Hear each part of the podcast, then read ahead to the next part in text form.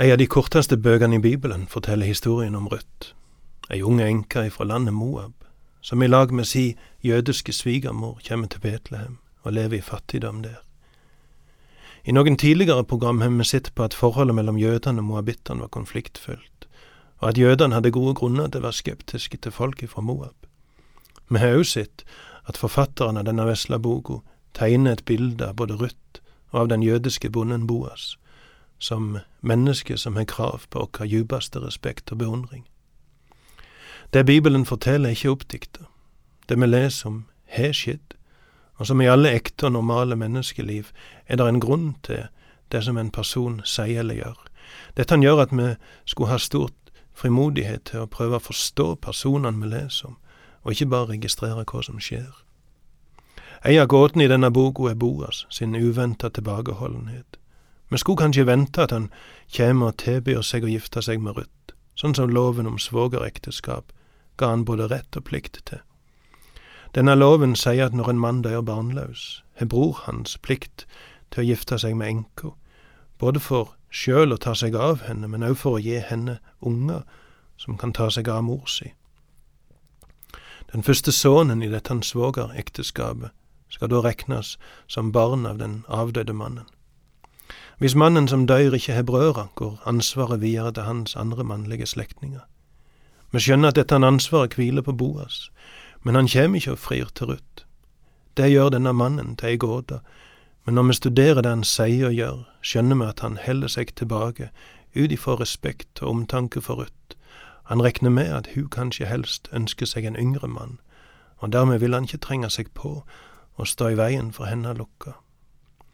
Gåta Boas er kanskje løyst, men det finnes ei uløyste gåte til i denne boka, og det er det som vi leser om i kapittel tre. La oss sjå hva som står der. Noomi, svigermor til Ruth, sa til henne, Dotter mi, skulle jeg ikke sjå til å finne ein heim til deg, så du kan få det godt? Høyr, Boas er da slektningen vår, og det er tjenestejentene hans du har vært i lag med. Nå i natt hiver han bygg på tresjeplassen. Du skal vaske deg og salve deg. Ta så på deg finklær og gå ned til tresjeplassen. Men gjev deg ikke til kjenne for mannen før han er ferdig med å ete og drikke. Når han legger seg, skal du merke deg staden der han ligger. Gå så bort, ta teppet vekk fra føttene hans, og legg deg der så vil han sjølv seie til deg hva du skal gjøre. Da svarer hun, Jeg skal gjøre alt du sier. Hun gikk ned til tresjeplassen og gjorde alt slik svigermor hennes hadde sagt. Boas åt og drakk og vart glad til sinns. Så gikk han og la seg i kanten av kornhaugen. Da smaug hun seg fram, tok teppet vekk fra føttene hans og la seg der. Ved midnattstid kvakk mannen til. Han bøyde seg fram og så at det lå ei kvinne nede med føttene hans. Hvem er du? spurte han. Jeg er Ruth, tjenestekvinna di, svarer hun. Brei kappa di over meg, for du er løysingsmann. Da sa han, Velsigna er du av Herren, dotter mi. Du har vist enda større truskap enn før ved å ikke gå etter de unge mennene, verken de fattige eller de rike. Og nå, dotter mi, vær ikke redd. Alt det du sier vil jeg gjøre for deg, for alle som bor i byen veit at du er ei hederlig kvinne. Det er sant at jeg er løysingsmann, men det er en annen løysingsmann som er nærere enn jeg. Sov her i natt, og om han vil løyse deg ut i morgen, så lat han gjøre det. Men om han ikke vil løyse deg ut, skal jeg gjøre det sjølv, så sant Herren lever. Bare ligg her til i morgen tidlig. Hun vart liggende ved føttene hans til morgenen, men hun sto opp før folk kunne kjenne hverandre att, for han sa til seg sjølv, det må ikke bli kjent at kvinna kom hit til tresjeplassen. Så sa han, kom hit med sjalet du har på deg, og hold det fram. Og da hun holdt sjalet fram, målte han opp seks mål bygg og la på henne. Så gikk han inn til byen. Da Ruth kom til svigermor si, spurte hun, Hvordan gikk det med deg, dotter mi? Og hun fortalte henne alt det mannen hadde gjort mot henne, og la til, Disse seks måla med bygg gav han meg, for han sa, du skal ikke komme tomhendt heim til svigermor di. Da sa Noomi, Hold deg nå i ro, dotter mi, til du får vite korleis saka fell ut. For den mannen unner seg ikke hvile før han får saka ordna, og det er alt i dag. I kapittel 1 så vi at Naomi kom hjem igjen til Betlehem, som er djupt nedtrykt og bitter kvinne, etter å ha mista både mannen og de to sønnene. Kall meg ikke Naomi, sier hun. Naomi betyr ondefull. Nei, kall meg Mara, som betyr bitter, for Gud har gjort det beiskt for meg. Men så ser vi at det lysner i livet til Naomi.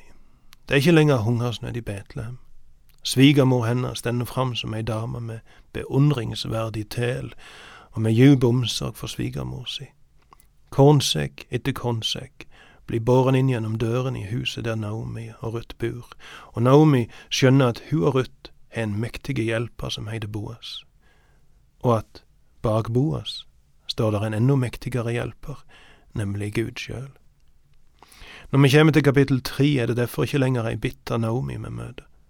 Vi møter ikke ei nedtrykt dame som ser bakover på alt hun har mista, men vi, vi ser ei som vender seg framover i forventning og i håp for framtida. I kapittel én er hun bitter. I kapittel to legger hun med undring merke til Guds velsignelse. I kapittel tre ser vi handling, planlegging, kreativ tenking, dristighet. Så hun skjønner at Gud er med deg, får hun håp, og for det at hun har håp, legger hun planer.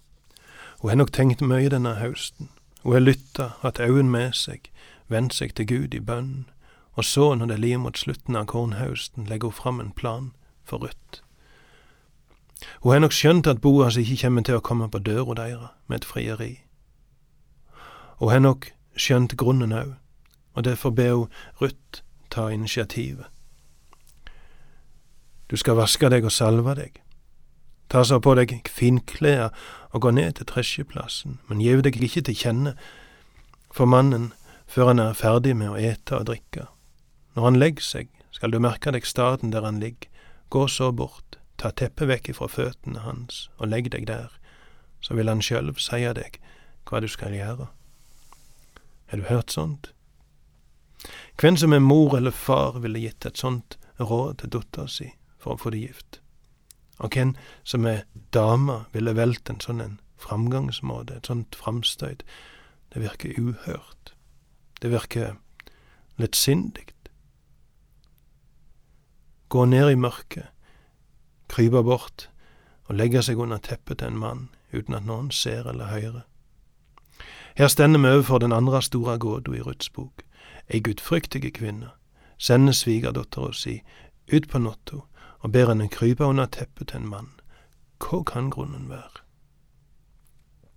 Hvorfor ikke en sivilisert drøs, Naomi? Hvorfor ikke gå og banke på døra hans en ettermiddag og be om en prat under fire øyne, bare du og Boas? Hvorfor ty til et sånt drastisk, dristig og risikabelt steg? Kunne du ikke ha presentert saken på vanlig vis, mint Boas om loven om svogerekteskap, takket han for at han allerede hadde vist godhet og godvilje mot Ruth, understreket at Ruth var ei kvinne med stor truskap imot både svigermor si og Israels Gud, og hinta om at hun sette stor pris på alt det han hadde gjort for de, og sikkert ville sette pris på et ekteskap med en hedersmann sånn som Boas. Det steget Naomi ber Ruth om å ta, er så drastisk og så dristig, sjøl i vår vestlige kultur, at vi skjønner at Naomi må ha hatt en god grunn til å gripe saken an på denne måten. Hun har nok skjønt at Boas har bestemt seg for ikke å komme på døra deres for å fri, og hun må ha skjønt hvor grunnen var, at han i sin godhet ville gi henne frihet til sjøl å velge seg en mann. Derfor var ikke en sivilisert drøs et alternativ for Naomi. Hun kunne ikke komme til Boas og be han om å gifte seg med Ruth. Forslaget måtte settes fram på en sånn måte at han forsto at Ruth sjøl, av hjertet, ba han om dette. Han måtte bli overbevist om at hun elsker han. Og så får vi denne uhørte turen ned på tresjeplassen. Men først har Ruth bada seg, salva seg med velduftende olje, kledd seg i sin fineste kjole, sett opp håret fint. Vi ser er ei kvinne som pynter seg for å møte han som hun elsker. Mørket kommer sigende på tresjeplassen, og arbeiderne finner seg plasser der de kan sove og vakte kornhaugen. Ruth er stand i utkanten og beder seg merke i hvor Boas lar seg, og når det blir heilt stilt, og hun er sikker på at alle sover, lister hun seg fram til plassen der Boas ligger løfter litt på teppet hans og smyger seg inn under det nærme føttene hans. Boas våkner etter hvert opp i undring, kanskje ved at han kjenner føttene hans støyde imot noe, kanskje er det månelys nok til at han kan skimte en skikkelse ved føttene sine. Kanskje måtte han kjenne etter for å forstå at det der ligger noen der, og så spør han i undring, hvem er det? Og Ruth svarer, jeg er Ruth, tjenestekvinna di, brei kappa di over meg, for du er løysingsmann. For oss høres det kanskje ut som om disse ordene viser at hun fryser, men det, å, det at en mann breier kappen sin over ei kvinne, er en annen måte å si at han tar henne til ekte. Det handler om at han varmer henne, tar seg av henne, beskytter henne og er nær henne. Ruth ber altså med klare ord om at han må gifte seg med henne. Angen ifra parfymen hennes, synet av hvordan hun har pynta seg, for, for sjøl mørket kan ikke heilt ha skjult dette viser at det ligger et djupt alvor bak bønna hennes. Det at framgangsmåten hennes virker så, så drastisk og dristig, understreker alvoret. Alt i hop forteller Boas at dette er ikke noe halvhjerta frieri, hun elsker han virkelig. Og kanskje er dette en framgangsmåte som også viser omtanke og respekt for han, et frieri i andre folk sitt påsyn. Vil ikke han kunne avvise uten å skjemme seg ut. Nå kommer hun til han i mørket, han kan sende henne ifra seg uten at noen andre får vite om det. Boas berømmer henne for det hun gjør, men ikke bare, og ikke først og fremst fordi det er i hans interesse. Han roser henne fordi hun er valgt å gifte seg med en løysingsmann, det vil si en slektning av sin avdøde mann. Hvis hun hadde gifta seg utenfor slekta, ville ikke det vært et svogerekteskap og ungene hun da ville fått, ville ikke ha vært regna som unge av Marlon, den avdøde mannen hennes, men nå ønsker hun å gifte seg innenfor slekta, og dermed vil hun gjennom dette ekteskapet vise respekt for sin avdøde mann. Og det vil bli et ekteskap og en familie som vil gi Naomi en trygg plass i hennes alderdom. Tidlig neste morgen vekker Boas henne. Han har nok ikke sovet den natta og han sender henne heim før det blir så lyst at noen kan kjenne henne igjen. Han sender med henne en heil del kodden, så Naomi skal få et tegn når Ruth kommer hjem om at han har sett med velvilje på bønna henne. Og så venter de to enkene i forventning om at Boas vil ordne alt til det beste for dem.